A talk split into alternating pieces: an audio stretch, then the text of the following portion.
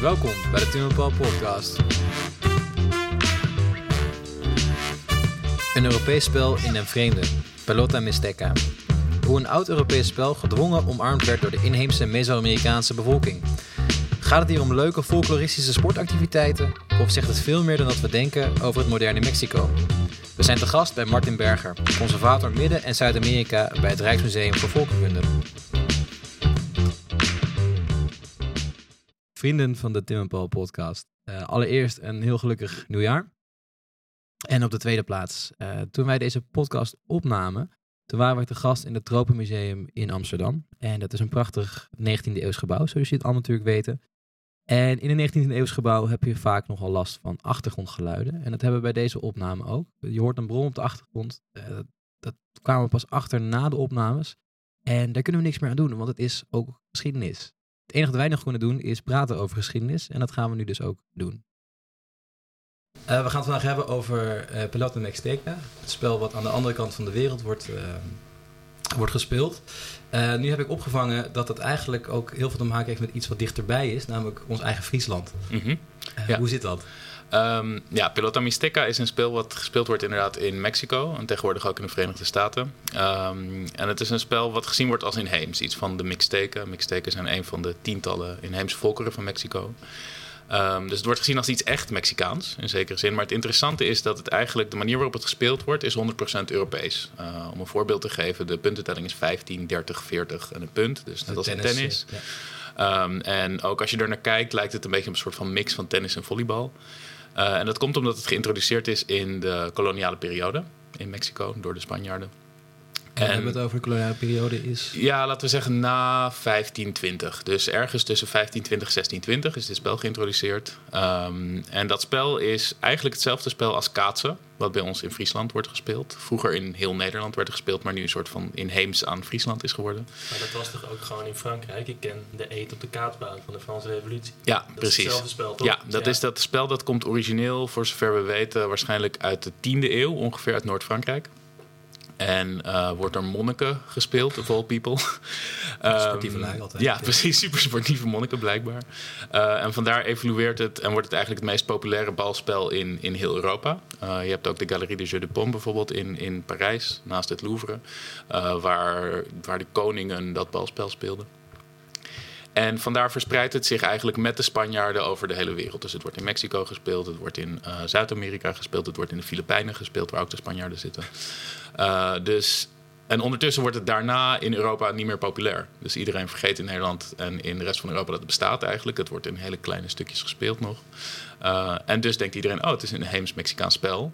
Terwijl het eigenlijk, hoe het gespeeld wordt, is Europees. Ja. Is het dan, um, want het wordt meegenomen door de Spanjaarden daar naartoe? Maar ik kan me voorstellen dat de mensen die daar op dat moment wonen in, uh, laten we even zeggen Mexico, wat nu Mexico is, dat die ook andere vormen van vermaak hadden voordat dit spel er kwam. Is dat, zeg maar, het sport en spel zat al in, in de samenleving daar? Ja, ja zeker. Um, het, het interessante is, vind ik zelf, dat dat spel wordt geïntroduceerd door de Spanjaarden, omdat er een origineel uh, pre-Columbiaans, dus voordat de Spanjaarden komen, balspel is. Uh, en dat is niet alleen voor de lol, maar dat is ook heel religieus. Uh, heeft een heleboel religieuze betekenissen die te maken hebben met uh, de onderwereld. Um, en daarvan zeggen de Spanjaarden, ja, dat kan echt niet hoor. Uh, dat is niet christelijk, dat is heidens, dat is gevaarlijk, dat is van de duivel. Dus dat mogen jullie echt niet meer spelen. Dat spel wordt verboden. Um, en mijn indruk is dat het resultaat is dat die inheemse mensen denken van... ja, maar hallo, dit spel is niet alleen religieus, dit doen we gewoon ook voor de lol. Ja. En als we dat niet meer mogen spelen, dan gaan we toch lekker jullie balspel spelen. Um, en dat het vandaar een soort van inheems wordt gemaakt door die mensen zelf. Okay. Daar heb ik heel weinig bewijs van.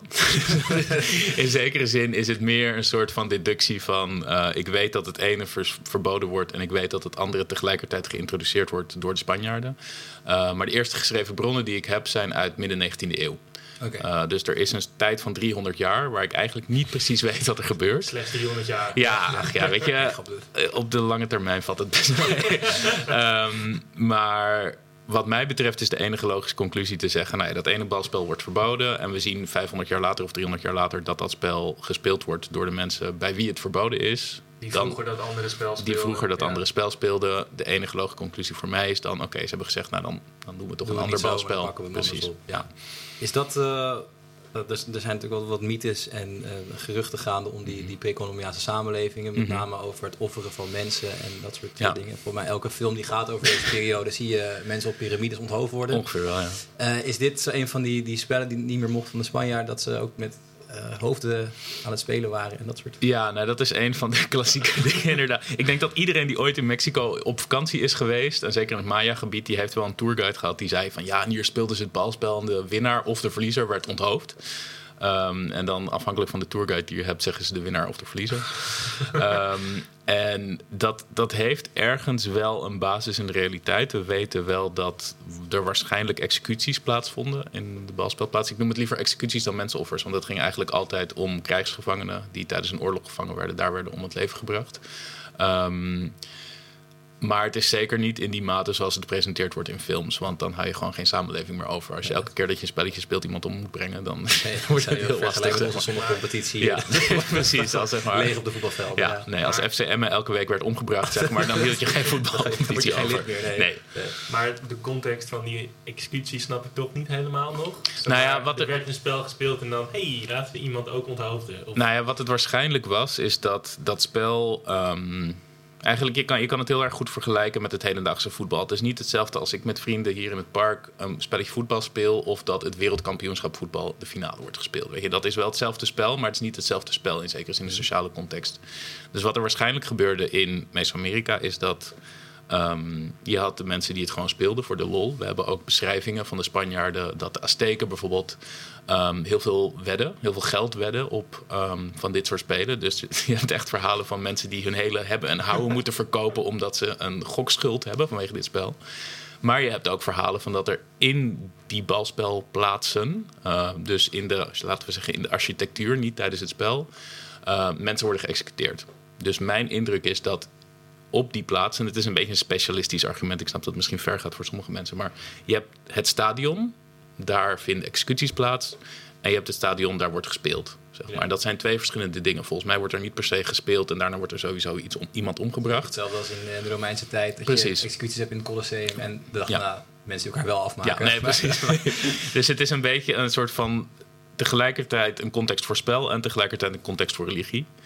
Eh, en dat maakt het ook zo makkelijk voor die mensen om te zeggen: oké, nou dan gaan we een ander balspel spelen. Want we gaan niet dat balspel spelen en dan iemand ombrengen. Dat was van de Spanjaarden. We gaan gewoon het balspel spelen en geld verwedden. Want dat is wat, iets wat nog steeds heel veel gebeurt. Eh, er is een gezegde binnen de Pelota Mixteca-wereld: si no hay apuesto, no hay juego. Dus als er geen. Eh, als, er geen als er niet wordt gegokt, is er geen spel. Ehm, Alleen als we iets erop inzetten, dan wordt het de moeite waard. En dan gaan we spelen. Uh, en dat is dus een traditie die um, aan de ene kant uit Spanje komt. Want in Spanje zie je bij bijvoorbeeld het Baskische balspel dat dat ook nog steeds zo is. Altijd wordt er geld ingezet op spelen. Maar aan de andere kant dus ook een Azteekse traditie is. Waarbij je ziet dat de Azteken dat ook al jaren deden. Of eeuwen deden waarschijnlijk.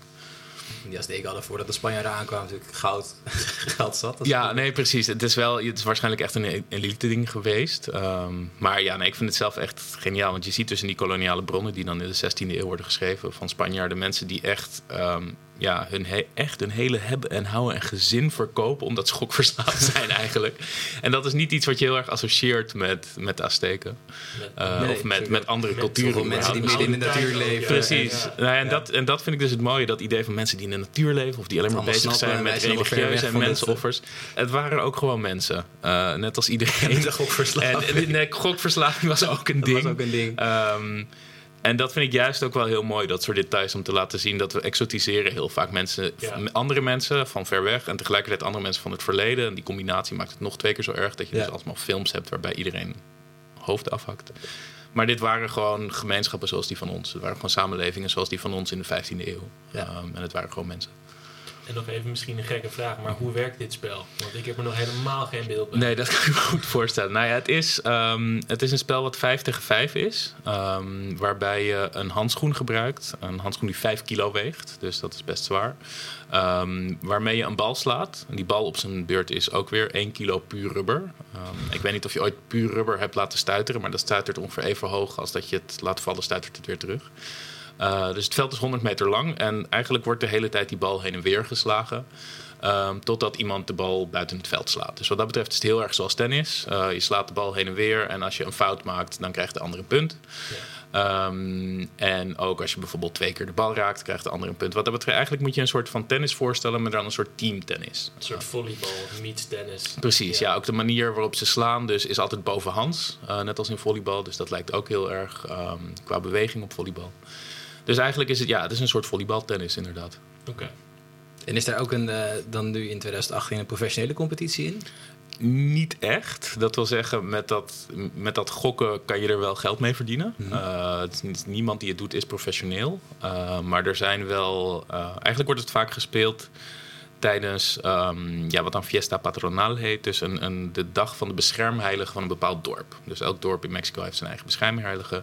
En dan wordt er een enorm feest gegeven met vuurwerk en barbecue en weet ik veel wat. En Pelota Mixteca. Dus er is een soort van cyclus die denk ik al 500 jaar doorgaat, omdat die dorpen hebben al 500 jaar dezelfde beschermheilige. Waarbij het ene weekend is hier een toernooi, volgende weekend is daar een toernooi, volgende weekend is daar een toernooi. En zo gaan mensen dus heen en weer. En dat is natuurlijk ook weer een, een Spaanse traditie om overal een op te gooien, elk dorp. Ja, nou ja, het, ook daar geldt weer hetzelfde, denk ik. Dat um, het Spaanse laagje is een soort fineer wat gelegd is over inheemse tradities. Um, we weten dat elk dorp vroeger ook al zijn eigen god had en zijn eigen beschermheilige. En uh, we weten bijvoorbeeld dat de heilige maagd Maria um, geassocieerd werd uh, door de Azteken met de moedergodin. Uh, want nou ja, ze is eigenlijk een moedergodin. Dus dat, is wel te zien, het was heel makkelijk ja. inderdaad om te zeggen... oké, okay, nou ja... Doen we dat maar.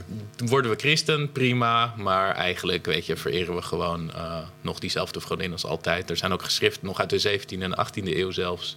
van Spaanse monniken die zeggen... ja, die, die, die bekering die gaat nooit lukken. Want uh, ze zeggen wel dat ze Maria en Jezus aanbidden... maar ondertussen doen ze gewoon hun eigen ding. Um, en dat zie je eigenlijk overal terug. Dus ook bij die, bij die festivalcyclus, zeg maar, of die, die, die feestcyclus, gaat het om beschermheiligen die nu christelijk zijn, maar die waarschijnlijk ooit overeenkwamen met, met inheemse goden. Um, aan de andere kant heb je een competitie die is tussen mensen die in Mexico wonen en mensen die in de Verenigde Staten wonen. Uh, wat ik zelf super fascinerend vind. Er wonen um, in de Verenigde Staten honderdduizenden inheemse Mexicanen. Uh, in dit geval gaat het dan voornamelijk om Mixteken en Zapoteken. Dat zijn volkeren uit het zuiden van Mexico, de staat Oaxaca. Uh, en die zijn in, in, enorme getalen gemigreerd naar, eerst naar Mexico-stad en daarna verder naar het noorden richting Tijuana. Wanneer ongeveer? Ja, dat begint in 1920 ongeveer, uh, rond de Mexicaanse revolutie, die is in 1911. En vanaf dat moment uh, wordt er bijvoorbeeld een uh, treinlijn aangelegd van Mexico-stad naar het zuiden. En dan gaat het en, zeker helemaal hard. Nou ja, en dat is dus, je, je, merkt dat heel veel mensen beginnen dan met migreren. Die gaan dan een tijdje aan de treinlijn werken, dan komen ze terug. Nou ja, en dit is, dit is een van de armste delen van Mexico. Uh, nog steeds. Nog steeds. Ja. Uh, en mensen hebben het gewoon moeilijk. Zeker in de laatste 20, 30 jaar dat NAFTA bijvoorbeeld, uh, dat North, American Free Trade Agreement, waar met Trump zoveel gedoe over is. Dat heeft ervoor gezorgd dat er heel veel goedkope mais uit uh, de Verenigde Staten geïmporteerd wordt in Mexico. Waardoor mensen die origineel zelf maisboeren zijn, niet meer kunnen leven van het, ja, het groeien van mais, wat ze al letterlijk 4000 jaar doen. Um, en daardoor worden ze gedwongen om hun gemeenschappen te verlaten. Nou, gaan eerst vanaf 1920 naar steden in de buurt. Vanaf 1940 gaan ze dan naar Mexico-stad. Um, en zo gaan ze steeds iets verder weg eigenlijk op zoek naar beter leven. En dat leidt ertoe dat nu bijvoorbeeld in Los Angeles 50.000 Mixteken wonen. Die nog de inheemse taal Mixteek spreken. Um, die nog een inheemse cultuur aanhouden. Maar die dus wel in Los Angeles wonen. Wat niet echt een stad is die je associeert per se met inheemse nee, met cultuur. Nee. Um, en die mensen die beginnen dus ook Pelota Mixteca te spelen. Vanaf ongeveer de jaren 70 um, merk je dat er eigenlijk genoeg een soort van kritische massa is om te kunnen gaan spelen. En dan poppen er overal teams op. Dus in Los Angeles, in San Francisco, in Santa Cruz, in Fresno. Uh, sinds kort ook in Dallas en in Houston in Texas. Um, in New York wonen ook heel veel mixteken. Uh, maar daar is het nog niet begonnen. Ik weet niet waarom. Uh, Misschien te koud om. Ik, nee, maar ik denk serieus dat het ermee te maken heeft, ja. inderdaad. Omdat het klimaat daar zo anders is. Betekent dat je gewoon de helft van het jaar. Want het is een spel wat altijd buiten wordt gespeeld, ja. op een veld buiten. Uh, je kan daar gewoon de helft van het jaar buiten niet spelen. Um, dus ik denk dat het serieus te maken heeft met het klimaat. Want daar, daar wonen ook 60.000 mixteken. Ja, dat zou dus genoeg moeten zijn om een uh, leuke competitie op te Precies. zetten. Ja. Uh, en tegenwoordig heb je dus internationale toernooien. Je hebt al, dit jaar was de twintigste keer dat het internationale toernooi in Fresno in Californië werd georganiseerd. En daar komen dus teams uit um, eigenlijk heel Mexico en heel Californië en Texas naartoe. En vroeger was het ook zo dat iedereen uit Californië terugging naar Mexico om tijdens dat uh, beschermheilige feest te spelen. Maar omdat 90% van deze mensen geen papieren heeft, um, is het tegenwoordig eigenlijk niet meer mogelijk om terug te gaan. Ze gaan, ze gaan het risico niet aan om. Nee. Uh, Vroeger kon dat nog wel. In de jaren 80 gingen mensen gewoon terug, hadden geen papieren, konden dan weer op een ja, zogenaamd illegale manier terug naar de Verenigde Staten. Het is wel een risico wat je neemt om ja, een spelletje te kunnen ja, spelen. zeker. Nee, het Ja. is echt. En, het is ook, en dat is ook het mooie, vind ik, aan dat spel. Ze recreëren een soort thuis. En ze creëren een plek van, waarvan ze zeggen: nou, als we dan niet terug kunnen naar huis, dan gaan we hier een plek maken waar we in ieder geval ons kunnen voelen alsof we thuis zijn. Ehm, en dat vind ik symbolisch. En ook, je ziet als je met die mensen praat, hebben ze het allemaal over hoe het voelt om terug in het dorp te zijn. Hoe het voelt om terug in Oaxaca te zijn. Dat je, er is ook al van die mariachi-muziek en zo. en ze eten van die typische dingen. Ehm, dus het is echt het creëren van een klein stukje Oaxaca in Mexico eigenlijk. Of in de Verenigde Staten. En dat vind ik heel cool. Ja, en hoe wordt er dan naar gekeken door de, de niet, zeg maar, inheemse of niet in Mexteken, eh, eh, Mexicanen? Want er zitten natuurlijk heel veel Latino's in Ja, dit gedeelte ja. van de Verenigde Ja, Staten zeker. ook. En in Mexico uiteraard ook. Ja, daar zijn ook veel zijn heel veel Latino's. Latino's, ja. Ehm, dus dat is ook een minderheid. Ja, ja nee, klopt. Nee, je ziet dat eigenlijk sinds ehm, het begin van de 20e eeuw er een hele sterke politiek van assimilatie is in Mexico. Ehm, er wordt heel erg sterk gewerkt aan nationale identiteit. En ehm, het idee daarvan is eigenlijk dat Mexico moet moderniseren. En dat in die modernisatie automatisch die zogenaamd achterlijke inheemse cultuur of achtergebleven inheemse cultuur dan wel verdwijnt. Dus Wordt het ook zo genoemd als Ja. achterlijk? ja, Dat het wordt echt. Nou, achterlijk misschien niet, maar achtergebleven of verouderd wel. Ja. En dat is echt iets wat je. De, een van de grote denkers daarvan is José Vasconcelos. Dat is een filosoof die in de eind 19e, begin 20e eeuw. een soort van de, de basis legt van het idee wat Mexico van zichzelf heeft. En dat idee wat Mexico van zichzelf heeft, is een land dat een menging is van het inheemse ras en het Europese ras. Eh, heel erg in raciale termen, dus ook echt typisch begin 19, of eind 19e, begin 20e eeuw. Ehm, wat dan leidt tot een zogenaamde raza cosmica, dus het kosmische ras, wat dan de beste van alle, alle dingen is, zeg maar. Ehm, en het, het ironische en het pijnlijke daarin is dat het heel erg ehm, zich baseert op de Azteken bijvoorbeeld en op de Maya's, dus op de, de, de culturen van het verleden en het heel erg het Precolombiaans, het archeologische erfgoed viert. En zegt van, "Nee, dit is fantastisch, kijk hoe ongelooflijk goed wij waren. En tegelijkertijd de levende inheemse bevolking totaal veronachtzaamt en zegt van ja, jullie zijn achtergebleven, jullie moeten modern worden, laat je cultuur maar achter. En er zit dus eigenlijk een hele racistische visie ook achter van, die ervan uitgaat dat uiteindelijk Mexico een eerste wereldland moet worden. En dat eerste wereldland daarin ziet iedereen eruit als een Europeaan eigenlijk. Of Ja, als uit de Verenigde Staten en- is katholiek. En Was die filosoof zelf toevallig ook Europeaan? nou, heel toevallig zag je eruit als jij en ik. ja. Ehm, dus het is, je hebt in, in Mexico gewoon al sinds de 16e eeuw een, een elite, een bovenlaag die eruit ziet zoals mensen uit Europa eigenlijk. Dat zie, en dat zie je terug bijvoorbeeld in telenovelas, in soaps die super populair zijn. Waarin alle acteurs Europeanen zouden kunnen zijn eigenlijk. Je hebt nu op Netflix ook een serie, die, die zat ik helaas te kijken laatst. Ehm, die heet Made in Mexico. En dat is een soort The Hills van, van Mexico-stad. Ehm, en al die mensen spreken perfect Amerikaans-Engels. En ehm, ja, zien er gewoon totaal Europees uit, blond haar, blauwe ogen. En die mensen die associëren zich totaal niet met de inheemse bevolking. Uh, Die zeggen, ja, die inheemse, ja, ja die zijn, Die zijn er ook, nog. Het is wel leuk als een soort folkloristisch ding. Maar ja, ze moeten, weet je, eigenlijk... een weekje op vakantie naar Precies. Yucatan. En het, is de enige reden dat ze het kennen is omdat al die huishoudsters die bij hun werken, al die mensen zijn die uit die dorpen moesten vertrekken.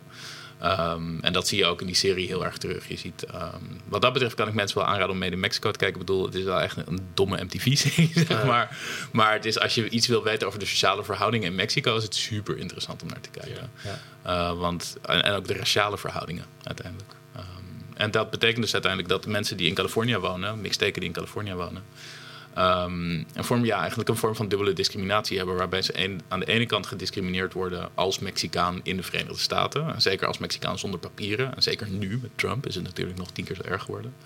En aan de andere kant binnen de Mexicaanse gemeenschap gediscrimineerd worden als nou ja, wat aan Oaxaquitos of Inditos wordt genoemd. Dus dat zijn kleine, kleine mensen uit Oaxaca, kleine Indiaantjes. Um, die ook niet voor vol worden aangezien door de Mexicanen. En het, het, het, ja, het ergste geval eigenlijk waar dat in tot uiting komt, um, zijn mensen die alleen maar inheemse talen spreken. Uh, dus alleen maar monolinguaal, Mixtecs, Maya, nou wat, voor inheemse taal dan ook. In Californië wonen en dan uh, gearresteerd worden, uh, terecht of onterecht. Um, en dan een Mexicaanse vertaler krijgt toegewezen. Ehm, maar die vertaler die kent geen inheemse talen en denkt dus dat iemand. Er is een verhaal van iemand die 25 jaar in psychiatrische inring heeft gezeten. Omdat zijn vertaler dacht dat hij een schizofrene aanval had of een psychotische aanval. Omdat hij alleen inheems sprak. En zei: Oké, nou je bent Mexicaan, dus je moet Spaans spreken. Als je geen Spaans spreekt en alleen maar blablabla kan zeggen, betekent dat je gestoord bent. En die man heeft dus 25 jaar vastgezeten in een psychiatrische inrichting voor een moord die hij niet had gepleegd, waar hij niet eens in de buurt was geweest. Ehm, dus het leidt gewoon tot echt hele, hele, hele heftige Die man is dingen. uiteindelijk wel vrijgekomen? Die is uiteindelijk vrijgekomen en die is een voorvechter voor mensenrechten geworden. En heeft nu eh, straten naar zich vernoemd in, in Ja. Los Angeles en zo. Dus wat dat betreft is het tussen Ja. aanhalingstekens goed gekomen. Ehm, maar, en het interessante is nu, vind ik, dat ehm, nu dat je dat hele kinderen gevangen zetten van Trump had, zeg maar. Ja. Dat er steeds meer bewustzijn omheen is. Dus ik, ik heb ehm, veel collega's in de Verenigde Staten die dan zelf niet inheems zijn, maar bijvoorbeeld Nahuatl, wat de taal van Azteken is, of Mixteek spreken, of Maya veel ook. Ehm, die dan naar gevangenissen gaan om te vertalen voor mensen. Ehm, en voor duidelijk naar gevangenissen niet omdat mensen iets slechts hebben gedaan, maar simpelweg omdat ze gevangen zijn gezet omdat ze Mexicaans zijn en geen papier. Ja, want dit was eh, even ter verduidelijking. Het is eh, afgelopen jaar gebeurd Klopt. dat er eh, mensen de grens overgingen, vast kwamen te zitten en kinderen van hun ouders werden gescheiden. En Ja. een soort van, Precies. ik kan- niet omschrijven, dan een soort van hondenasiel werden Ja. geplaatst en in gevangenissen werden gegooid. Ja. Ja. Nou ja, en, niet alleen mensen die de grens net over waren gekomen, maar mensen die daar echt al jaren woonden. Ehm, en dit, die mensen waar ik mee werk in Californië bijvoorbeeld, dat zijn kinderen die geboren zijn in Californië. Die zijn dus staatsburger van de Verenigde Staten. Spreken Engels en mixteek, spreken helemaal geen Spaans meer, want dat is voor hen niet nodig. Maar hun ouders zijn nog steeds illegaal.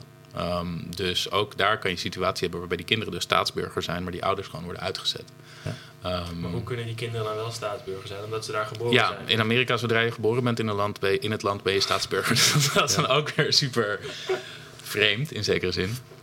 Ehm, maar ja, dat dwaalt in zekere zin een beetje af van Pelota Mixteca. Maar aan de andere kant ook weer niet, omdat dit is de sociale context waarin de mensen Ja. nu leven. Weet je? En Ja. dat is tegelijkertijd ook ehm, de sociale context waarin ehm, in Mexico dat spel wordt gezien. Als je gaat naar Mexico, dan zie je dat dat spel wordt ehm, tijdens ja, folkloristische demonstraties en tijdens dagen van de cultuur. Weet je, dat soort dingen wordt worden mensen uitgenodigd om dat spel te laten zien.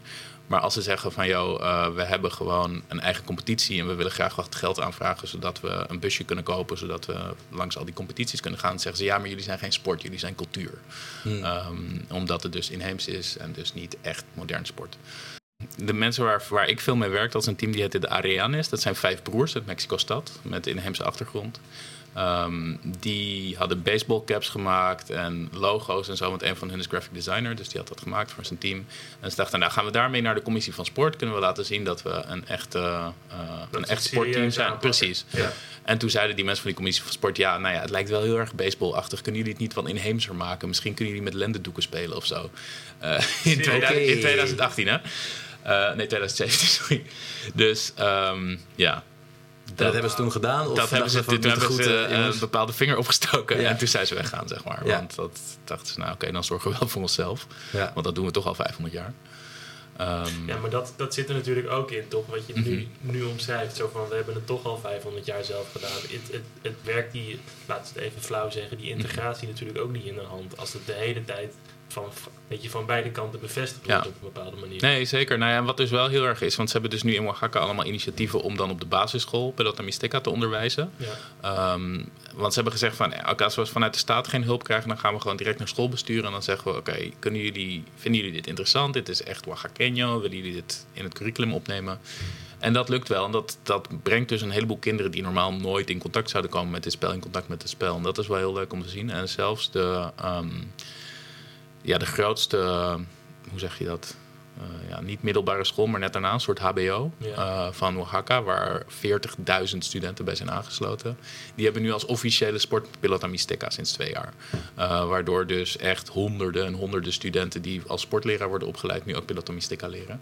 Dus het Ehm, gaat wel de goede kant op. ja, nee, dus het, en het is ook heel erg grassroots. En dat vind ik ook heel erg mooi eraan. Het komt echt vanuit de gemeenschap zelf die zeggen van... nou, oké, als jullie me niet helpen, dan moeten wij zorgen dat dit spel overleeft. Ja. Want dat is de andere kant ervan. Jonge mensen in de gemeenschap zelf gaan vaak niet meer spelen. Want die spelen voetbal, die spelen basketbal, die spelen honkbal. Ehm, Ja, het voetbal in Mexico is natuurlijk... Ja, naast zeg maar, het katholicisme is het Ja. dat grote ding. Ja, ja, beetje. precies. Ja. Ja. en interessant genoeg in de, in de regio waar dit dan zich afspeelt ook, is baseball ook heel populair. Ehm, en in delen ook basketbal. En dat zijn natuurlijk sporten met zo'n weet je, zo'n globaal aura. Ja. Je hebt de NBA om de hoek en je hebt inderdaad het nation- nationale voetbalteam en zo. En En je dat kan ook serieus geld verdienen natuurlijk. Wat, Precies, Wat ook, ja. een, ook een soort van Ja, romantiseert. met- nee, zeker. Dus, ehm, dus dat is wat ze nu heel erg proberen te doen. Is zeggen van, nou ja, Pelota is inderdaad cultuur. En het is belangrijk voor onze geschiedenis. Maar tegelijkertijd is het gewoon een sport. En we willen gewoon deze, dat deze sport blijft bestaan. En dat niet alle jongeren zeggen van, ja, ik ga wel iets anders doen. Want dat is veel cooler. Ehm, dus daar zijn ze nu heel erg mee bezig. Vraag stellen is een beantwoorden nu. Maar denk je dat het blijft? Dat we over, over 30 jaar dat dit spel nog, nog steeds op die manier gespeeld wordt? Ehm, Bijvoorbeeld in Amerika ook. Want ik, ja, dat is het interessant. Ik denk dat het in zekere zin in Amerika misschien wel meer kans heeft om te overleven dan in Mexico. Omdat voor in Amerika is het veel meer een identiteitsding voor mensen. ja, Ehm, tegelijkertijd ehm, is er nu sinds, sinds drie maanden weer een extra probleem. En dat is, je hebt drie soorten pelota mixteca. En die die het meest gespeeld wordt, is met die handschoen. Eh, en die andere worden gespeeld zonder handschoen met een andere bal. Verder dezelfde regels, dezelfde manier van spelen, alles. Ehm, maar er is maar één iemand in de wereld die die handschoenen kan maken. en Ehm, die is nu en 95. Die En- is, nou ja, het, het, het vreselijke is dat ehm, er waren twee mensen die die konden maken. Een vader en zijn zoon. Zijn zoon is vermoord in juni nee, eh, in een politieke aanslag. Ehm, en die vader is 78. eh, dus die kan het handwerk gewoon niet meer aan eigenlijk. En die zoon is er opeens niet meer. Weet je, ik bedoel, die was degene die het verder ging doen de komende 20 jaar. En dan zouden ze wel verder kijken. Ehm, maar die is de, ja, dat was een goede vriend van mij die dus vermoord is in juni. Ehm, en, Had dat te eh, maken met eh, de verkiezingen? ja, nou ja, hij, hij, eigenlijk was het waarschijnlijk een vergismoord. In de zin van dat ze dachten dat hij een, iemand anders was. Een partijleider van een partij die inderdaad aan de verkiezingen meedeed. En er kwam iemand naar zijn huis en die heeft hem doodgeschoten. Eh, gewoon echt, oh, klop, klop, oh, deur open, klaar. Wauw. Dus dat was wel vrij heftig, ja. Eh, ik bedoel, voor mij in zekere zin, maar natuurlijk voor zijn familie nog meer. En voor heel veel meer andere mensen ook. Ehm, maar daardoor zitten ze nu met een probleem van ja, eh, wat doen we nu met die handschoenen? Ja. Eh, want er zijn er nu genoeg in omloop om het te kunnen laten bestaan. En die vader kan ze ook wel repareren. Maar dit betekent dus ook dat je in de toekomst... of een van die andere varianten van Pelota Mixteca moet spelen... waarbij je geen handschoen nodig hebt. Dat lijkt mij het meest logische. En dat is ook de variant die op scholen wordt onderwezen. Want een kind van vijf kan geen handschoen van vijf kilo optillen. Nee. Eh, de, de meeste in ieder geval niet. Ehm, Ik denk dat Paul wel vroeger. Zeker. Ja, precies, Ja, dat- mijn spinazie goed Ja. gegeten. Dat, eh, Precies. Maar ja, jij woonde niet in Mexico. Dus, Nee. dat, eh, ehm, dus dat is nu de grote vraag inderdaad. Als je vraagt van ja, bestaat dit spel over 30, over 50, over 100 jaar nog? Ehm, dan denk ik in ieder geval niet in de vorm waarin we het nu zien. Ja. Ehm, ik denk dat er zeker nog iets vergelijkbaars bestaat. Ehm, maar wat er precies gaat gebeuren, ja, ik vind het heel moeilijk om te zeggen. Maar het ding met die handschoenen is, is best wel wezenlijk. Hè? En we Ja. doen er een beetje ja, lacherig om. Mhm. Maar wordt daar dan ook zeg maar, daar zo over gediscussieerd van jongens, door de bond of zo, of, Mhm. of een soort van de, de leiders van het spel, we Mhm. moeten nu iets doen, de captains of industry of, of zoiets. Ja, nou, er is wel een. eh, Het is echt een soort identiteitscrisis bijna. ja, nee, van, zeker. We vinden het belangrijk en het is ook belangrijk voor, ons, voor, voor onze Mhm. plek in de maatschappij in Mexico. Maar als we die, die handschoenen niet hebben, dan... Nou. Nee, dat is, nou, dat is, het is echt een wezenlijk probleem. En natuurlijk was de eerste maanden was iedereen een beetje te veel in shock om zich te kunnen realiseren dat dit ook een probleem ging zijn. Maar ik, ja, ik ben nu wel de laatste tijd veel met contact. En ik, ben, ik heb goed contact met de zoon van die man die omgebracht is. Eh, en we zijn wel, hij is zelf archeoloog, opgeleid tot archeoloog aan de universiteit. Ehm, en ik, we zijn met hem ook aan het kijken van ja, wat, kunnen wij als museum ook doen? Weet je? Want wij hebben dan hier in onze tentoonstelling een handschoen. En we wijden in die tentoonstelling ook ehm, echt een best wel, nou niet een groot stuk, maar een stuk aan Pilota Mystica. Dus we vinden ook dat we een soort van verantwoordelijkheid hebben. En zeker ik, ik heb tien jaar met die mensen gewerkt, dus ik wil ook wel echt iets terug kunnen doen. Ehm, dus we zijn nu aan het kijken van ja, wat kunnen we doen? Kunnen we iets regelen? Kunnen we zorgen dat mensen opgeleid worden? Want die vader die is er nog en die heeft Ja. alle kennis. Kan het misschien zelf niet meer, maar kan in ieder geval nog wel die kennis overdragen. moeten, ja. Precies. Ehm, maar uiteindelijk was, want die, die, die man die vermoord is, die was eind 40. Ehm, die was ook al jarenlang op zoek naar een opvolger. Omdat duidelijk was dat zijn zoon het niet ging doen. Want die is archeoloog, die heeft ja. gestudeerd. En het was juist ook zijn idee. Ik wil mijn zoon naar de universiteit kunnen sturen... zodat hij een goede baan kan krijgen, enzovoort, enzovoort. Ehm, maar hij had nog geen opvolger gevonden. Eh, dus hij had het wel geprobeerd. Maar ja. Nee, en het is wel. En het, je ziet wat dat betreft wel een parallel in. Want je hebt meer inheemse balspelen in Mexico. Uh, een daarvan is Ulama. Dat is het spel wat al 4000 jaar is. Dus dat pre-Columbiaanse balspel, dat wordt nog steeds gespeeld. Um, door misschien 100 of 150 mensen. Uh, in Sinaloa. En Sinaloa is bij de meeste mensen bekend vanwege het Sinaloa-kartel, als ze er ooit van hebben gehoord. Sinaloa-kartel is het grootste kartel van uh, Mexico, wat in direct contact staat met Colombia en met de Verenigde Staten. En waar El Chapo, die, die man die ja. uit de gevangenis ontsnapt is met een tilman. Nou ja, misschien hebben mensen er wel eens van gehoord. Ja, het was in nieuws. Uh, ja, precies. Netflix-serie over. Is ook een Netflix-serie over, inderdaad. Eigenlijk al onze informatie kunnen we van Netflix. Uh, bijna wel. Ja. um, Welk gedeelte, maar, sorry, welk gedeelte van Mexico hebben we het dan over? Dat is het west-noordwest. Oké, okay, dus um, tegen de Amerikaanse grens aan. Ja, precies. Ja. Um, en daar hebben die mensen dus het probleem dat ze geen ballen meer kunnen maken voor het spel. Want ze kunnen de bergen niet meer ingaan om de rubberbomen te gaan tappen. Want ze maken het daar nog van natuurlijk rubber. Dus dan ga je naar een boom, die tap je, daar haal je latex uit en daar maak je een rubberbal van. Maar dat kan niet meer, want die bergen, daar zitten allemaal, uh, allemaal kartels die uh, gewoon... Drugs. Ja, precies. Ja, die, dus gewoon, daar, ja, uh, die gewoon meteen neerschieten als die alleen maar zien. Ja. Um, dus wat dat betreft, het feit dat Mexico nogal in een, laten we zeggen, matige situatie zit op het moment. Um, heeft natuurlijk ook zijn invloed op al deze dingen. Weet je? Ja. Ik bedoel, en dat, dat vind ik als academicus ook moeilijk om, om het toe te verhouden. Want je doet aan de ene kant onderzoek en je zegt van nou, ik ben archeoloog, dus kijk naar het verleden, maar ik ben ook antropoloog, dus kijk ook naar het heden. Um, hoe beweeg ik me in zo'n context?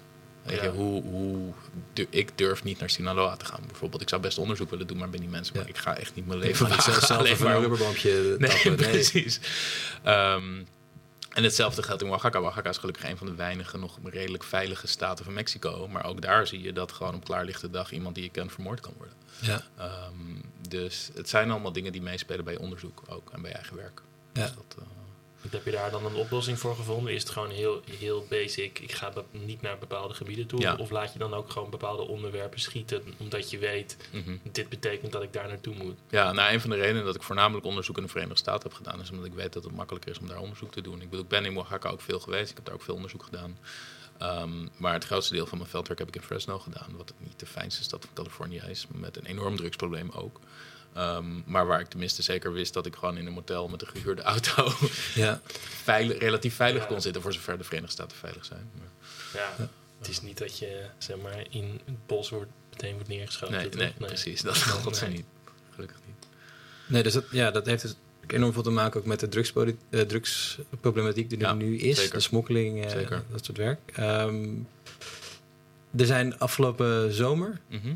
najaar, zijn er verkiezingen geweest in Mexico. Ja, klopt. Ehm, hoe zie je, de, zie je de, de- even een politieke vraag te stellen, Mhm. hoe zie je de toekomst daarin? Want de man die er nu zit, Mhm. AMLO, is nogal populistisch, heb ik me laten vertellen. Ja, nee, er, is, er zijn verkiezingen geweest inderdaad in, wat is het, juni geloof ik, 1 juni, 1 juli, een van de twee. Ehm, en de man die, die, die weggaat nu, Peña Nieto, die was ja, gewoon zo'n typische persoon uit de soapserie, om het zo te zeggen. Dus nou, blond-blauw, nou niet blond-blauwe ogen, maar wel ehm, heel erg elitair lid van een partij die eigenlijk, nou, wat dan de zogenaamde perfecte dictatuur werd genoemd. De partij die elk jaar weer van 1910 tot 1998, geloof ik, de verkiezingen won. Zonder corruptie, gewoon echt de verkiezingen won. Ehm, en die daarna een paar jaar niet in de macht waren geweest. En daarna, dankzij Peña Nieto, weer terug in de macht waren gekomen. Nou, die man heeft niks gedaan wat ook maar positief is, voor zover ik kan inschatten. Maar laat ik zeggen, ik hou niet heel erg van hem. Ehm, allemaal corruptieschandalen, nou ja, eh, geweld heeft hij eigenlijk niet kunnen oplossen. En als tegenreactie is nu dus inderdaad AMLO, dus ehm López Obrador gekozen.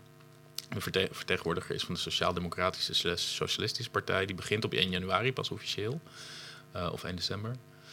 En ik denk dat het heel goed voor Mexico kan zijn om eens een, iemand van totaal buiten de gevestigde orde te hebben. Ehm, buiten de gevestigde orde is relatief in zijn geval, want hij doet al twintig jaar mee aan de presidentsverkiezingen. het is hem nog nooit gelukt tot Nu nu. eindelijk, ja. Dus hij is in die zin heel erg gevestigde orde. Hij heeft alleen nog nooit macht gehad.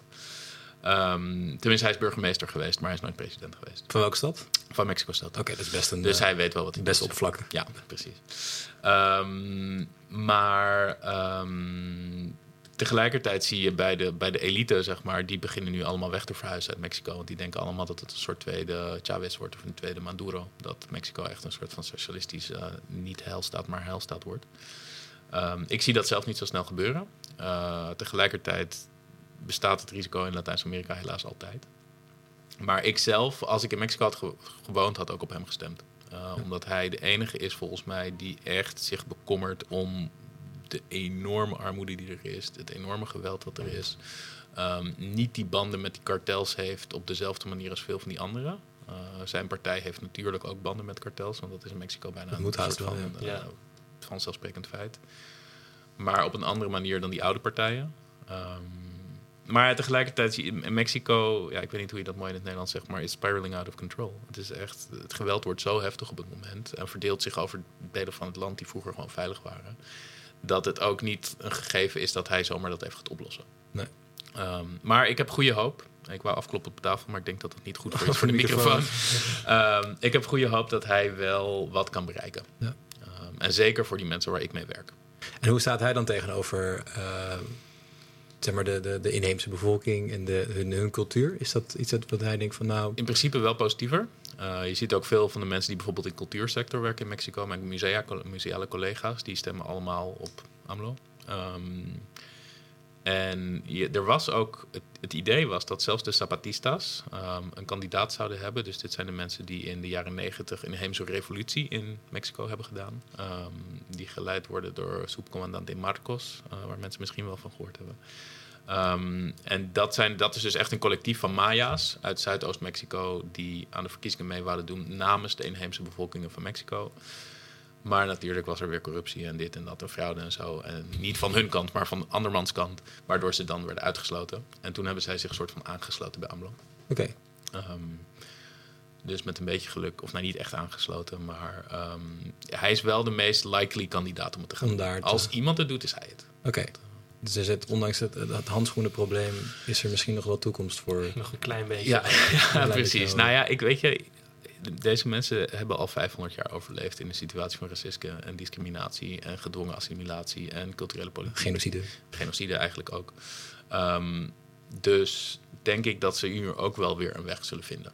Uh, maar het interessante vind ik nu dat ze dus een weg proberen te vinden waarin ze uitbreken uit dat culturele idee. En niet zeggen dat dit is alleen iets van ons, maar zeggen dit is iets van iedereen. We, we willen dat het overleeft. Niet alleen in ons kleine dorpje waar tien mensen spelen. We willen dat gewoon meer mensen dit leren spelen. Um, en dankzij de globalisering dat je in Fresno hebben ze ook geprobeerd om gewoon witte Amerikanen aan het Pelota Mystica te krijgen. En dat is ook wel gelukt. Er zijn een paar mensen die dat spelen, zeg maar. Niet op reguliere basis, maar af en toe. Um, en dat is het nieuwe aan wat er nu gebeurt, vind ik. En dat vind ik super interessant. Ja, dus over de grens heen kijken of over eigen cultuur heen kijken. Precies, ja. ja. Is, ja, gekke vraag misschien, maar is ooit de aansluiting gemaakt met, met het kaatsen in Friesland? Of niet? Nou ja, wat, wat, wat ik heel gaaf... Er is dus een, er is een wereldkampioenschap handbal. En dan niet handbal van handbal, maar handbal van dit soort handbalspelen. Waar Mexico en Ecuador en Nederland uh, en Frankrijk en zo meedoen. Um, maar daar worden altijd vertegenwoordigingen gestuurd die het officiële handbal spelen. Dus dat zijn allemaal, zeg maar, uh, ja, mestizo, uh, elite Mexicanen die dat oude Europese handspel in Mexico spelen. En dat toernooi werd in Drachten of Sneek of zo georganiseerd, een paar jaar geleden. Toen ben ik er naartoe gegaan, natuurlijk. Um, en toen sprak ik met die mensen van die Mexicaanse delegatie over Pelota Mixteca. En die zeiden ze, ah ja, maar dat, ja, weet je, dat zijn die inheemse sporten. Dat is allemaal niet serieus. Terwijl het gewoon precies hetzelfde spel is. Dus volgens mij zou de eerste stap voor die mensen van Pelota Mixteca zijn... gewoon, dat zij worden uitgezonden. Dat zij het ja. Mexicaanse team op het wereldkampioenschap zijn. En dan hebben ze gewoon bij zo'n fucking wereldkampioenschap waar ze aan meedoen. Weet je, een weekendje Sneek met z'n allen. Ja, precies. Ja. En ik heb ook wel eens overwogen om um, bijvoorbeeld als we een tentoonstelling hier hebben die ermee te maken heeft, gewoon een team van Pelota Mixteca hier naartoe te brengen en tegen een kaatsteam te laten spelen. Dat lijkt me super gaaf. Ja. Um, maar, maar is dat niet is gelukt? nog niet gelukt. Het is nog niet gelukt. Maar Nog ik heb niet, nog steeds nog niet. goede hoop dat het ooit gaat gebeuren. Ja. Dat moet toch gewoon Want, uh, kunnen? Ja. nee, zeker. En ik weet ook wel dat er mensen vanuit de Kaatsbond zijn die geïnteresseerd zijn erin en die het ook kennen en zo. Dus dat is ook wel heel gaaf. Er is een kaatsmuseum in ergens in Friesland. Ik weet even niet meer waar. Kaatsheuvel, maar dat is in Brabant. Nee, was, was het maar zo mooi. Um, dus dat is wel een beetje mijn, nou niet mijn droom, maar dat zou ik wel heel erg cool vinden inderdaad. Als dat ooit lukt om daar een soort van verbindenis te maken, die mensen Ja. hier naartoe te brengen. Maar Ja, want een kaatsteam naar eh, Mexico sturen op dit moment is misschien iets, te, iets, iets te ja. gevaarlijk. Nee, precies. Het is misschien niet ideaal. En het, het is wel trouwens in 2014 was er in Verona in Italië. En ehm, daar is elk jaar is daar een, een spelenfestival. En het gastland was Mexico in 2014. En toen zijn dus eh, vrienden van mij uit Mexico-stad zijn naar Verona gegaan om daar demonstraties te geven. Ehm, en hebben ze ook tegen een lokaal handbalteam uit Italië gespeeld. Dus dat was een soort van interland Mexico-Italië. En ik geloof dat Italië uiteindelijk gewonnen heeft. Ehm, Ja, maar dat was dat thuiswedstrijd voor. Ja, ja, precies. Ja, dat Italiaanse allemaal maar met publiek. ja, precies. Ehm, maar dat was super gaaf om te zien. Want dat was dus echt in het middeleeuwse centrum of renaissance centrum van Verona. Naast zo'n enorm palazzo zaten dan die twee mensen tegen elkaar. Of twee, die twee teams tegen elkaar te spelen. Een van cultuurclash bijna. Ja, Ja, ja. precies. Maar dat was echt super gaaf. En daar zag je dat sport gewoon sport is. Weet je, dat het cultuur ook kan overstijgen. En dat vind ik ook zo mooi. Ja, het dus verboedende dat- aspecten van. Precies, die ja. mensen die zijn nog steeds in contact met elkaar. En die zien nog steeds. Ik heb dan iedereen natuurlijk als vriend op Facebook ook. Je ziet dat ze de hele tijd ook nog met elkaar interactie hebben en zo. Ehm, dus hopelijk kunnen we dat ook in Nederland regelen. Zou heel Ja. gaaf zijn. Nou ja, laten we daarmee eindigen ook. Ja, dan een hopen, hopen voor de toekomst. Een Precies. veiliger Mexico en meer, eh Meer. meer, mistake. Dat zou allebei heel mooi zijn ja, inderdaad. Ja, absoluut. Alright, dankjewel. ja, ja.